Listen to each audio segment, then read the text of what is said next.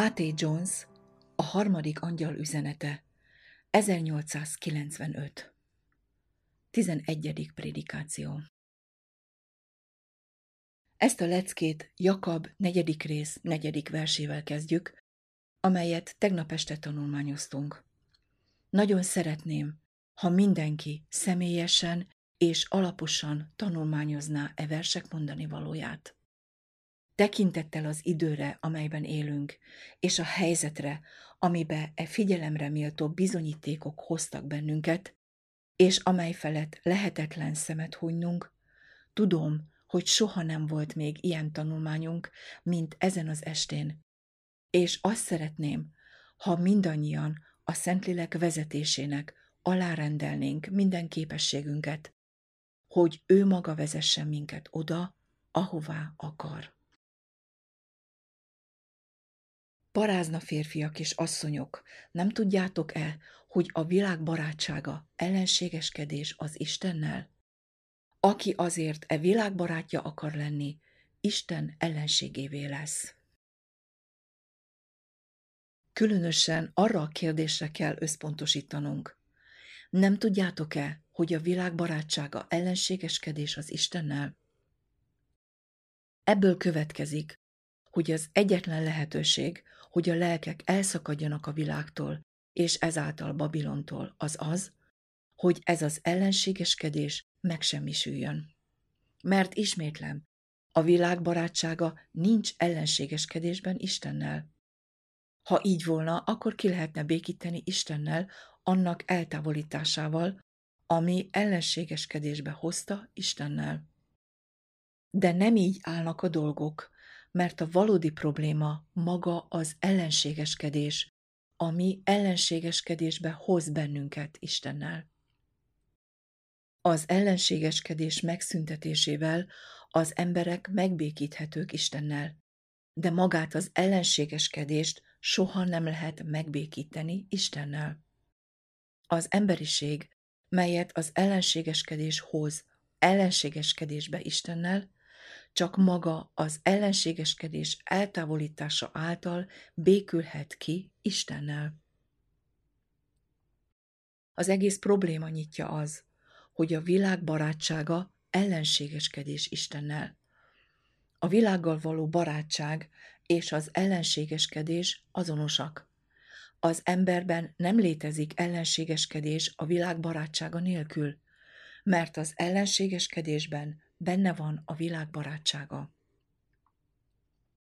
Ezért ismét mondom, az egyetlen remény, hogy az ember elszakadjon a világtól, ahogy a Szentírás és a jelen idők is megkívánják, jobban, mint eddig bármikor, az az, hogy ezt az ellenségeskedést el kell távolítani. Ez az egyetlen dolog, amit keresnünk kell. Ez minden, amit tennünk kell, mert amikor az ellenségeskedés eltűnik, akkor szabadok leszünk. Ugyanerről tesz bizonyságot Róma 8. fejezete, a 7. verssel kezdve. Mert a test gondolata, vagy ahogy görög nyelven olvassuk, mert a test elméje ellenségeskedés Istennel, mert nem engedelmeskedik Isten törvényének, és nem is engedelmeskedhet. Ez a Biblia vers ugyanazt a gondolatot hangsúlyozza, mint Jakab 4-4 verse, mely szerint nincs egyetlen lehetőség sem kibékíteni az ellenségeskedést Istennel. Nem lehet egyebet tenni vele, mint eltávolítani, megsemmisíteni. Semmit nem lehet tenni érte. Lehet tenni vele valamit, de érte semmit, mert Isten ellen van. Nem engedelmeskedik Isten törvényének, és nem is tud engedelmeskedni. Maga Isten sem tudja elérni azt, hogy a természetes elme, a testi elme engedelmeskedjen a törvényének. Ez lehetetlen. Ez nem egy tiszteletlen állítás Istennel kapcsolatosan, amely korlátokat vetne hatalmának. Isten elpusztíthatja a rosszat mindazzal, ami belőle származik, de semmit sem tehet azért, hogy megreformálja vagy jobbá tegye a rosszat. Akik pedig testben vannak, nem lehetnek kedvesek Isten előtt. de a világ teljesen földi, természetes. De mivel, hogy nem vagytok-e világból, mondja az Úr, hanem én választottalak ki magamnak titeket e világból. Ő elválasztotta a keresztényt a földitől, a testtől, a test szerinti járástól, a testies gondolkodástól és a test uralmától. Ez elválaszt minket a világtól azáltal, hogy elválaszt attól, ami lényegében a világban tart. Ezt semmi más nem teheti meg, csak Isten ereje. Most vázoljuk fel néhány szóban az ember történetét a kezdeteknél.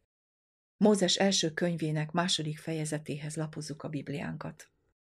Amikor Isten megteremtette az embert, maga Isten jelentette ki róla, mint minden teremtett dologról, nem csak, hogy jó, hanem, hogy igen jó. Az ember, az első Ádám abban az állapotban, amelyben volt, örömmel hallgatta Isten hangját. Örült Isten jelenlétének, az egész lénye örömmel válaszolt hívására.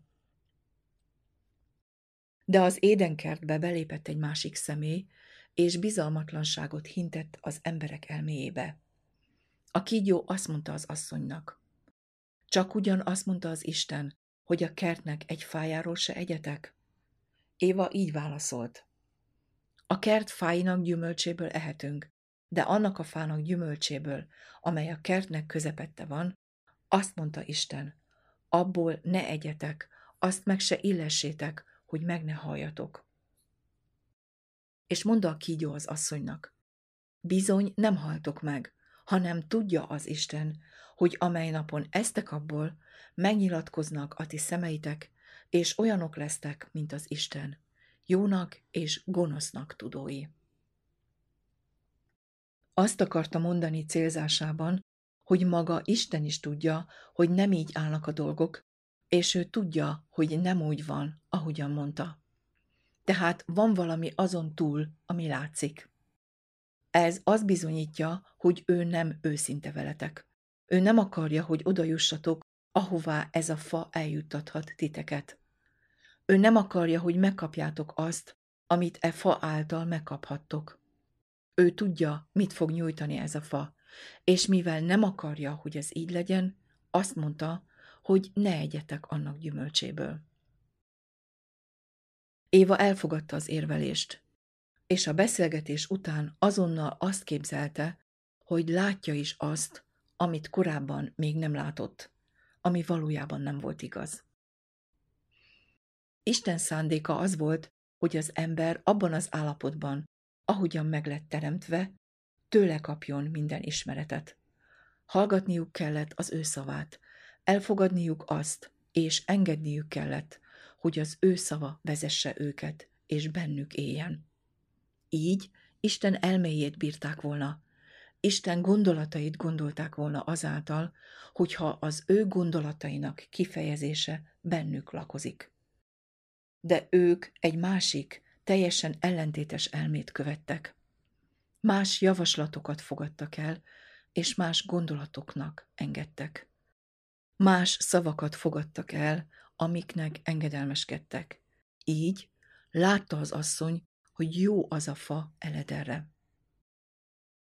Jobb volt a fa elederre? Nem. De mivel odafigyelt ezekre a szavakra, olyan dolgokat látott, amelyek nem léteztek. Úgy látta a dolgokat, ahogyan korábban még nem, és amelyeket sohasem látott volna úgy Isten világosságában. De mivel engedelmeskedett a másik elmének, teljesen hamis színben látta a dolgokat. Éva úgy látta, hogy a fagyümölcse jó elederre, és hogy kívánatos az ember elméjének megnyitására, bölcsétételére. Mind ebben nem volt semmi valóság. Mégis így látta. Ez az epizód feltárja előttünk a megtévesztés erejét, amely sátán szavaiban és módszereiben rejlik, aki akkor ezeket a javaslatokat tette. Tehát ha valaki ilyesmire hajtja elméjét, vagy ha elméjében van valami, ami önmagától erre hajlik, akkor lehetőséget ad sátánnak, hogy munkálkodjon, és rávegye az illetőt, hogy tévesen lássa a dolgokat. Hogy lásson bizonyos dolgokat, mint amelyek feltétlenül szükségesek, ami egyáltalán nem igaz, mert nem csak, hogy nem szükségesek, de ráadásul teljesen hamisak is minden tekintetben. Amikor Éva mindezt látta, az egyetlen természetes következmény az volt, hogy szakított azért annak gyümölcséből, és evett, és adta vele levő férjének is, és az is evett. Vizsgáljuk egy kicsit tovább ezt az epizódot. Nyolcadik vers. És meghallák az Úristen szavát, aki hűvös alkonyatkor a kerben járt. És elrejtőzött az ember és az ő felesége az Úristen elől a kertfái között.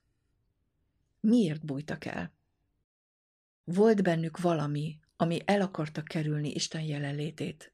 Valami, ami nem volt összhangban Istennel, és ami arra késztette őket, hogy elrejtőzzenek, ahelyett, hogy szívélyesen fogadták volna őt. Szólította ugyanis az Úristen az embert, és mondta neki, hol vagy? Ő így válaszolt. Szavadat hallám a kertben, és megfélemlém, mivel hogy mezítelen vagyok, és elrejtőztem. És mondta az úr, ki mondta neked, hogy mezítelen vagy? Most jön a kérdés. Avagy talán ettél a fáról, melytől tiltottalak, hogy arról ne egyél? És az ember azt mondta, igen, ettem, és úgy gondolom, nem csináltam jól, és sajnálom. Ezt mondta? Nem. A kérdés az volt, avagy talán ettél a fáról, melytől tiltottalak, hogy arról ne egyél? Eved belőle? Persze, hogy igen. Miért nem válaszolt igennel? Folytatjuk a tanulmányozást, majd megismételjük a kérdést, és meglátjuk, miért nem válaszolt egyszerűen igennel. Ádám nem mondta igen, bár ez lett volna az egyetlen jó válasz a kérdésre. De ő ezt mondta. Az asszony, akit mellém adtál, ő adta nekem arról a fáról, úgy ettem. Végül elismerte, hogy részese ő is, de hányadik helyre sorolta magát? A lehető legutolsó helyre. Az asszonynak, sőt, az úrnak kellett először hibásnak lennie, mielőtt Ádám beismerhette volna bűnösségét. Lényegében ezt mondta. Nem tettem volna ezt, ha nincs a nő, mert ő adta nekem a gyümölcsöt. És ha az asszony nem létezett volna, nem adta volna nekem. És ha te nem teremtetted volna a nőt, nem lett volna itt. Következésképpen, ha ő nem lett volna itt, nem adta volna nekem, hogy egyek, és ha nem adta volna, nem ettem volna. Szóval persze, hogy ettem, de a felelősség rajtam kívüli. Mi volt benne, ami miatt bárki mást hibáztatott az univerzumban, mielőtt elismerte, hogy neki is van része ebben? Semmi más, csak az önszeretet, az én védelme, az önvédelem. És az úr azt mondta az asszonynak. Egy másik nagyon világos kérdés. Mit cselekedtél? Az asszony így válaszolt. Jaj, szakítottam a fáról, ettem a gyümölcsből, és a férjemnek is adtam belőle, és ez annyira rossz. Nem, nem mondott ilyeneket. Figyeljétek meg, hogy a mit cselekedtél kérdésre válaszolva, az asszony így szólt. A kígyó ámított el engem, úgy ettem. Isten nem azt kérdezte, kitette ezt, hanem mit cselekedtél. Ugyanúgy válaszolt, mint Ádám. Ugyanaz az ok késztette őt is arra, hogy elkerülje a kérdést, és valaki mást okoljon, ahogy Ádám is tette. Valaki másnak védkesebbnek kellett lennie, mint nekik. Most megismétlem a kérdést. Miért nem válaszoltak egyértelműen egy ilyen egyértelmű kérdésre? mert nem tudtak. Azért nem tudtak, mert az az elme, amelyre szert tettek, amely birtokba vette őket, amely megkötözte és rabszolgává tette őket hatalma alá, olyan elme, amely Isten helyett önfelmagasztalásnak adott helyet, és amely nem fogadja el a második helyet, még akkor sem, amikor szembeszáll Istennel. Mindannyian tudjuk, hogy ez a sátán elméje. És tudjuk azt is, hogy az, ami a bukása kezdetétől abba a helyzetbe hozta, amelyben most van, nem más, mint önfelmagasztalás. Sátán elfordította tekintetét Istenről, és önmagára tekintett, és azt képzelte, hogy ő több dicsőséget érdemel. Ezért pozíciója nem volt elegendő az önfelmagasztalás vágyához. Az égbe megyek fel, az Isten csillagai fölé helyezem ülőszékemet, és hasonló leszek a magasságoshoz. Ez volt a bűn. Az Úr elhívta őt, hogy megbocsássa bűneit, és téves járását, térjen vissza Istenhez, és fogadja el újra Isten útjait. Tudjuk, hogy ez így volt, mert megvan írva. Isten nem személyválogató. Isten nem tesz különbséget a személyek között.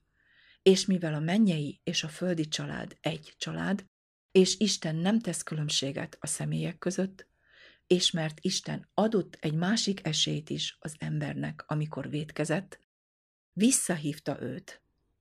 Ezért biztos, hogy adott Lucifernek is egy második esélyt, és visszahívta magához. Ez egyértelmű. Lucifer elhagyhatta volna téves útját, lemondhatott volna ényéről, engedve Istennek. Ám ahelyett, hogy engedett volna, visszautasította a hívást, elutasította Isten ajándékát, nem volt hajlandó eltérni a útjairól, és újra átadni magát Istennek.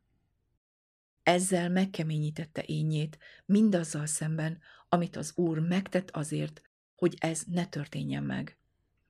Így a benne lévő elme, amely megkeményedett a bűnben és az Isten elleni lázadásban, nem más, mint ellenségeskedés. Nem csak az ellenségeskedésben, hanem maga az ellenségeskedés.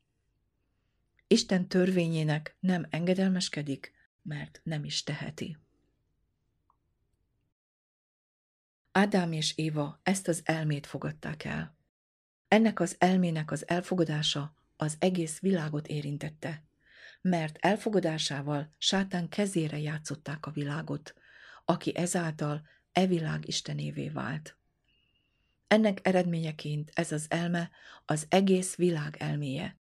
Ez az elme, amely irányítja a világot. Sátán elméje, e világ istenének elméje, az az elme, amely irányítja az emberiséget, mert az emberiség a világhoz tartozik, és ebben a világban van. Ez az elme pedig önmagában ellenségeskedés Isten ellen, mint hogy az Isten törvényének nem engedelmeskedik, mert nem is teheti. Emiatt Ádám és Éva nem tudott közvetlenül válaszolni erre a közvetlen kérdésre. Most viszont az emberek közvetlenül válaszolhatnak a kérdésre. De akkor nem tudtak, mert a sátán az uralma alá vette őket anélkül, hogy bármilyen más hatalom irányítani tudta volna őket. Sátánnak abszolút kontrollja volt, és abban a pillanatban ez a totális romlást jelentette. De Isten nem hagyta őket ebben az állapotban. A kígyóhoz fordult, és így szólt. Ellenségeskedés szerzek közötted és az asszony között, a te magod között és az ő magva között. Az neked fejedre tapos, te pedig annak sarkát mardosod. Így két ellenségeskedés van a világon. Egyik a sátántól származik, és Isten ellen van. A másik Istentől származik, és ez a sátán elleni ellenségeskedés. E két ellenségeskedés által nyilvánul meg a két titok, Isten titka és a törvénytelenség titka. A sátán elleni ellenségeskedés természetesen nem más, mint az Isten igazsága. Azzal, hogy ellenségeskedést szerzek közötted és a nő között, Isten szétzúzta sátán láncát, amely megkötözte az ember akaratát. Újra szabaddá tette az embert, hogy megválassza azt a hatalmat, amelyet követni akar, hogy megválassza királyát és azt a világot, amelynek alatvalója akar lenni. Ezzel a szóval Isten szétzúzta sátán abszolút uralmát, és szabaddá tette az embert, hogy megválassza azt a világot, amelyet akar. Onnantól kezdve az az ember, aki Isten útjait választja, és életét az ő irányítása alá rendeli, képes az Úr közvetlen kérdésére válaszolni. Amikor az Úr megkérdezi tőle, ezt és amaszt tetted, akkor ki tudja mondani, hogy igen, én tettem, anélkül, hogy bárki mást hibáztatna. Ez a bűn megvallása. Így jött létre a bűn megvallásának a képessége, amely feltárja előttünk azt az áldott igazságot, hogy a bűn megvallásának ereje, a bűnbánat Isten ajándéka. A sátán elméje a világ elméje. A természetes embert uraló elme ellenségeskedés Istennel, és ellenségeskedésbe hozza az embert Istennel. Az ellenségeskedést nem lehet megbékíteni Istennel, mert nem engedelmeskedik Isten törvényének, és nem is engedelmeskedhet. Az egyetlen dolog, amit tenni lehet vele, hogy valahogy el legyen távolítva. Ha ez megtörténik, akkor az ember megbékélt Istennel, akkor az ember igaz. Újra egyesül Istennel és az ő szavával, Isten gondolataival. Felfoghatja ismét Isten javaslatait, hogy ismét a vezetője és ereje lehessen, amely minden cselekedetét irányítja. Mivel ezt az elmét nem lehet megbékíteni Istennel, akkor semmi mást nem lehet tenni vele, csak elpusztítani. Akkor és csak is akkor, és csak ilyen módon tudnak az emberek békében lenni Istennel, és elszakadni a világtól. Hála az Úrnak, hogy elhozta nekünk azt a jó hírt, hogy ez az elme el van pusztítva. Arról, hogy ez hogyan történt, és hogy miként profitálhatunk abból, ami megvalósult, más tanulmányokban fogjuk látni. A jó hír, amit Isten küld nekünk, hogy ez megtörtént. Tudjuk, hogy ez az ellenségeskedés, az énje és a sátán elméje elválasztotta az embert Istentől, de Isten megnyitotta az utat a visszatérésre. Az Úr lehetőséget biztosított az embernek, hogy azt a világot válassza, amelyet akar. Ez az egész tanulmányunk tárgya. El kell hagynunk ezt a világot, ha teljesen ki akarunk jönni Babilonból. Az Úr azt mondta sátánnak, ellenségeskedést szerzek közötted és az asszony magva között, hogy lehetőséget biztosítson az embernek, hogy válasszon a két világ között. Ezért mindig az a kérdés merül fel. Melyik világot választja az ember? És ha Isten az ő bámulatos irgalmában megnyitotta az utat, és hatalmat adott nekünk, hogy egy ennél jobb világot válasszunk, akkor miért haboznánk? Lapozzuk a Bibliát az Efézus beliekhez írt levél második fejezetéhez. Az első verstől kezdve olvassuk el a jó hírt, miszerint az Isten iránti ellenségeskedés el van pusztítva, hogy minden ember szabad lehet. Kezdjük az első verssel. Titeket is megelevenített, akik holtak valátok a ti vétkeitek és bűneitek miatt, melyekben jártatok egykor e világ folyása szerint, a levegőbeli hatalmasság fejedelme szerint, ama lélek szerint, mely most az engedetlenség fiaiban munkálkodik. Elélek szerint éltünk. Miféle lélek uralkodik az engedetlenség fiaiban? A lélek, amely irányítja a világot, az elme, amely gonoszt szült az édenkertben, és amely ellenségeskedés Isten iránt. Ki a levegőbeli hatalmasság? A lélek, amely az engedetlenség fiaiban munkálkodik, e világ istene, akinek, hála Istennek, nincs semmije Jézus Krisztusban. Akik között forgolottunk egykor mi is, minnyájan, ami testünk kívánságaiban, cselekedvén a testnek és a gondolatoknak akaratát. Mivel gondolataink a világ gondolatai természetesen követik a világ útjait, és természet szerint haragnak fiai voltunk, mint egyebek is. Igen, voltunk. Mielőtt tovább olvasnánk az Efézus beliekhez írt levélverseit, lapozzunk Kolossé első rész 21. verséhez. Titeket is, kik hajdan elidegenültek, és ellenségek voltatok értelmetek által. Angol fordítás. Hol van az ellenségeskedés, amely ellenségé tesz minket? Az elmében, a testi elmében. A test elméje ellenségeskedés, és mivel irányít bennünket, ellenségessé tesz, és ellenségekké tesz a gonosz cselekedetek által. Olvassuk el az Efézus második rész 11. versét. Azért emlékezzetek meg arról, hogy ti test szerint egykor pogányok voltatok, akiket körülmetéletleneknek neveznek azok, akik ki nevezi annak? Az Úr? Nem, hanem akik kézzel metéltek körül, és akiket testben körülmetélnek az ember keze által. Tehát bizonyos természetes emberek bizonyos módon neveznek más természetes embereket, megkülönböztetve őket saját maguktól. Emlékezzetek arra, hogy ti abban az időben Krisztus nélkül valók voltatok, Izrael közösségéből kirekesztve, és az ígéret szövetségétől idegenek. Reménységetek sem volt, mert Isten nélkül valók voltatok ezen a világon. Egy másik hasonló rész található Efézus 4. rész 17.-18. verseiben, amelyet elolvasunk, mielőtt tovább lépnénk. Ezt mondom, és bizonyságot teszek az Úrban, hogy többé ne járjatok úgy, ahogy a pogányok járnak, elmélyük hiába valóságában. Értelmükre sötétség borult, és tudatlanságukban elidegenedtek az Isten szerinti élettől, amely szívük keménysége, angol fordításban vaksága miatt van bennük.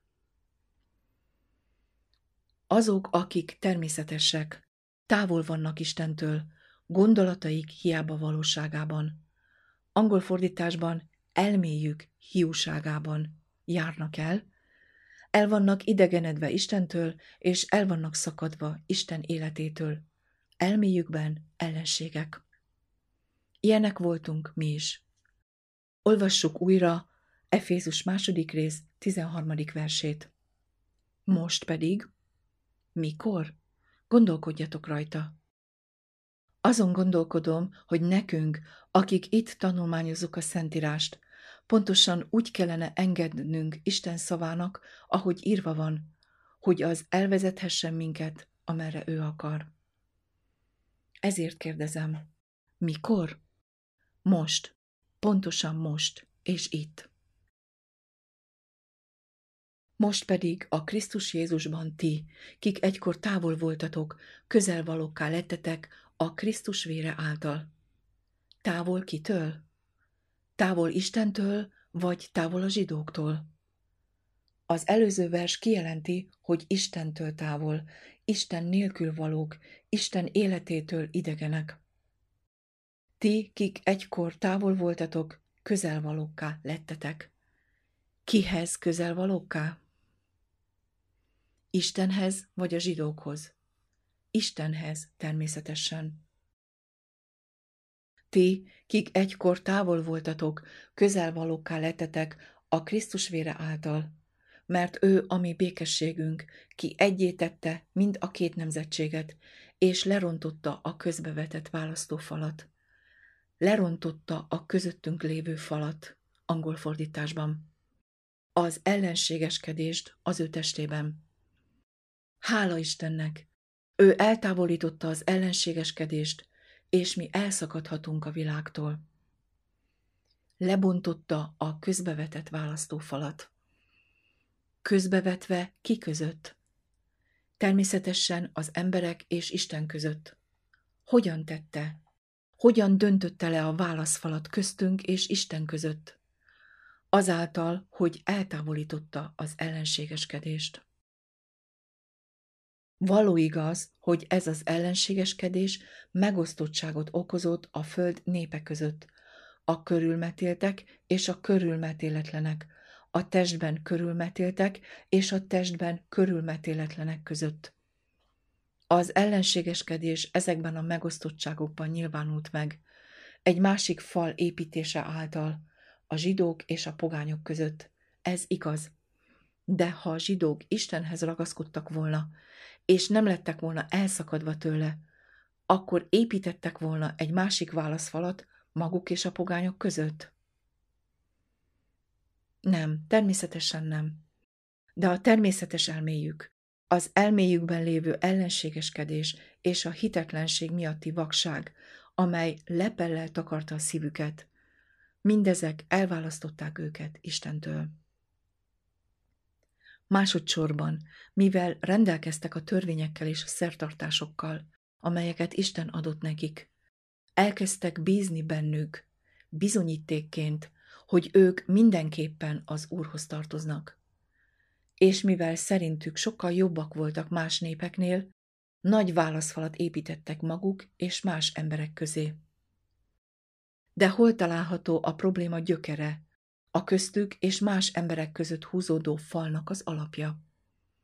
A bennük lévő ellenségeskedésben, és amely előbb Istentől választotta el őket, és mivel elszakadtak Istentől, nagyon természetes volt, hogy eltávolodjanak egymástól is.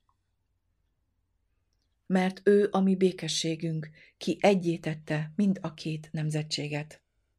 Melyik kettőből csinált egyet? Természetesen Istenből és emberből. És lerontotta a közbevetett választófalat, az ellenségeskedést az ő testében, a parancsolatoknak tételekben való törvényét eltörölvén, hogy ama kettőt egy új emberré teremtse ő magában, békességet szerezvén. Térjünk vissza ehhez. Testében eltávolította az ellenségeskedést. A következő kifejezést kihagyva, most nem ezzel foglalkozunk, miért távolította el az ellenségeskedést? Miért rombolta le a közbevetett válaszfalat? Mi célból? Hogy ama kettőt egy új emberré teremtse ő magában, a kettőt, angol fordításban a kettőből, hogy egy új emberré teremtse ő magában, így békét teremtvén. Krisztus új embert teremtett egy zsidóból és egy pogányból? Nem. Egy pogányból és valaki másból? Nem.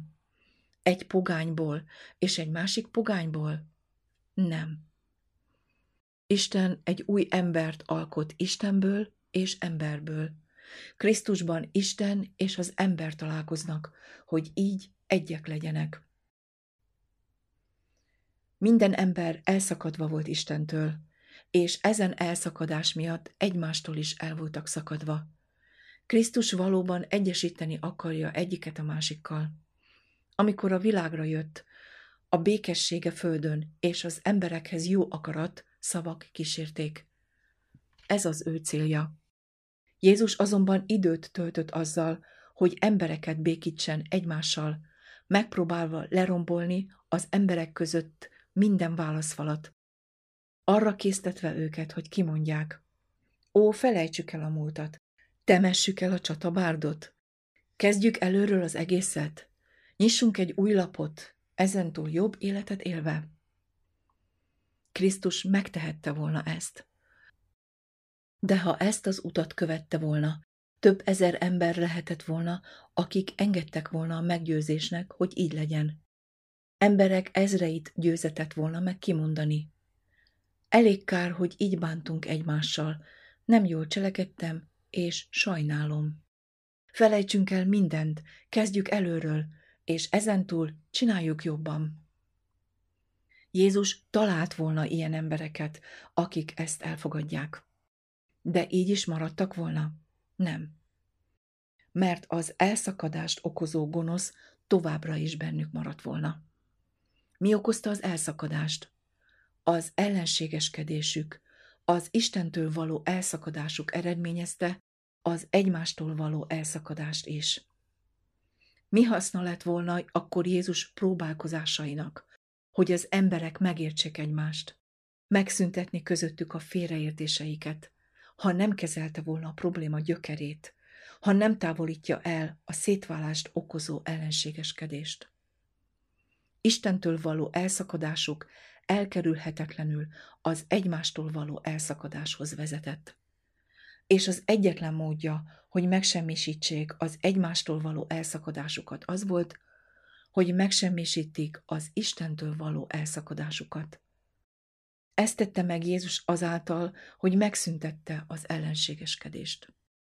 Mi, mint szolgálók, ebből tanulhatunk egy fontos leckét, amikor az egyházban különböző félreértések megoldásra szólítanak fel bennünket.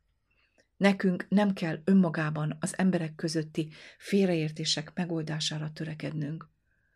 Az ember és Isten közötti probléma megoldására kell törekednünk, és ha ez megoldódik, minden más probléma megszűnik.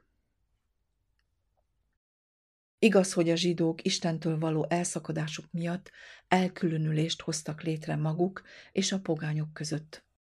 Való igaz, hogy Krisztus le akarta rombolni ezeket az elkülönüléseket, és meg is tette. De egyetlen módon tehette meg, és egyetlen módon tette meg. És pedig, hogy megsemmisítette a rosszat, amely elválasztva tartotta őket Istentől. A köztük és a pogányok közötti elválasztó falak leomlottak, amikor megszűnt az elszakadás és az ellenségeskedés köztük és Isten között. Mekkora áldás van abban a hírben, hogy az ellenségeskedés meg lett semmisítve. Hála Istennek, meg van semmisítve. Ezért egyáltalán nem kell a világ barátainak lennünk. Nincs többé semmi okunk, amiért ne engedelmeskednénk Isten törvényének, mert Jézus Krisztus eltávolította az ellenségeskedést. Eltörölte, megsemmisítette. Azt a rosszat semmisítette meg, amiből éppen a világgal való barátság állt. Az Isten iránti engedetlenséget és a törvény iránti engedelmesség sikertelenségét. Mindezek elmúltak. Krisztusban elmúltak nem Krisztuson kívül. Krisztusban az ellenségeskedés elmúlt, megsemmisült, érvényét veszítette. Hála Istennek, ez valóban szabadság. Ez mindig is jó hír volt. De most, tekintettel arra a helyzetre, amelyben az Úr megmutatta, hogy a világban vagyunk, ez az áldott hír az elmúlt napokban úgy tűnt számomra, mintha soha azelőtt nem hallottam volna. Annyi örömet, igazi keresztény gyönyört okozott nekem, hogy ó, annyira boldog vagyok, hogy keresztény vagyok. Micsoda áldás! Az Úr azt mondja, hogy az, ami elválaszt minket Istentől, ami hozzáragaszt a világhoz, és amiből minden rossz fakad, mind megszűnik Krisztusban, aki a mi békességünk. Ma este mindannyian fogadjuk el ezt a jó hírt. Éjjel-nappal örüljünk neki, hogy az Úr egyre inkább vezethessen előre bennünket. Zöld legelőkre és csendes vizekhez, dicsőségének országába, amelybe már átvitt minket. Ne féljetek, mert íme hirdetek nektek nagy örömet, amely az egész népnek örömelészen. Mert született nektek, számomra megszületett, ma a megtartó, ki az Úr Krisztus a Dávid városában. Hála az Úrnak!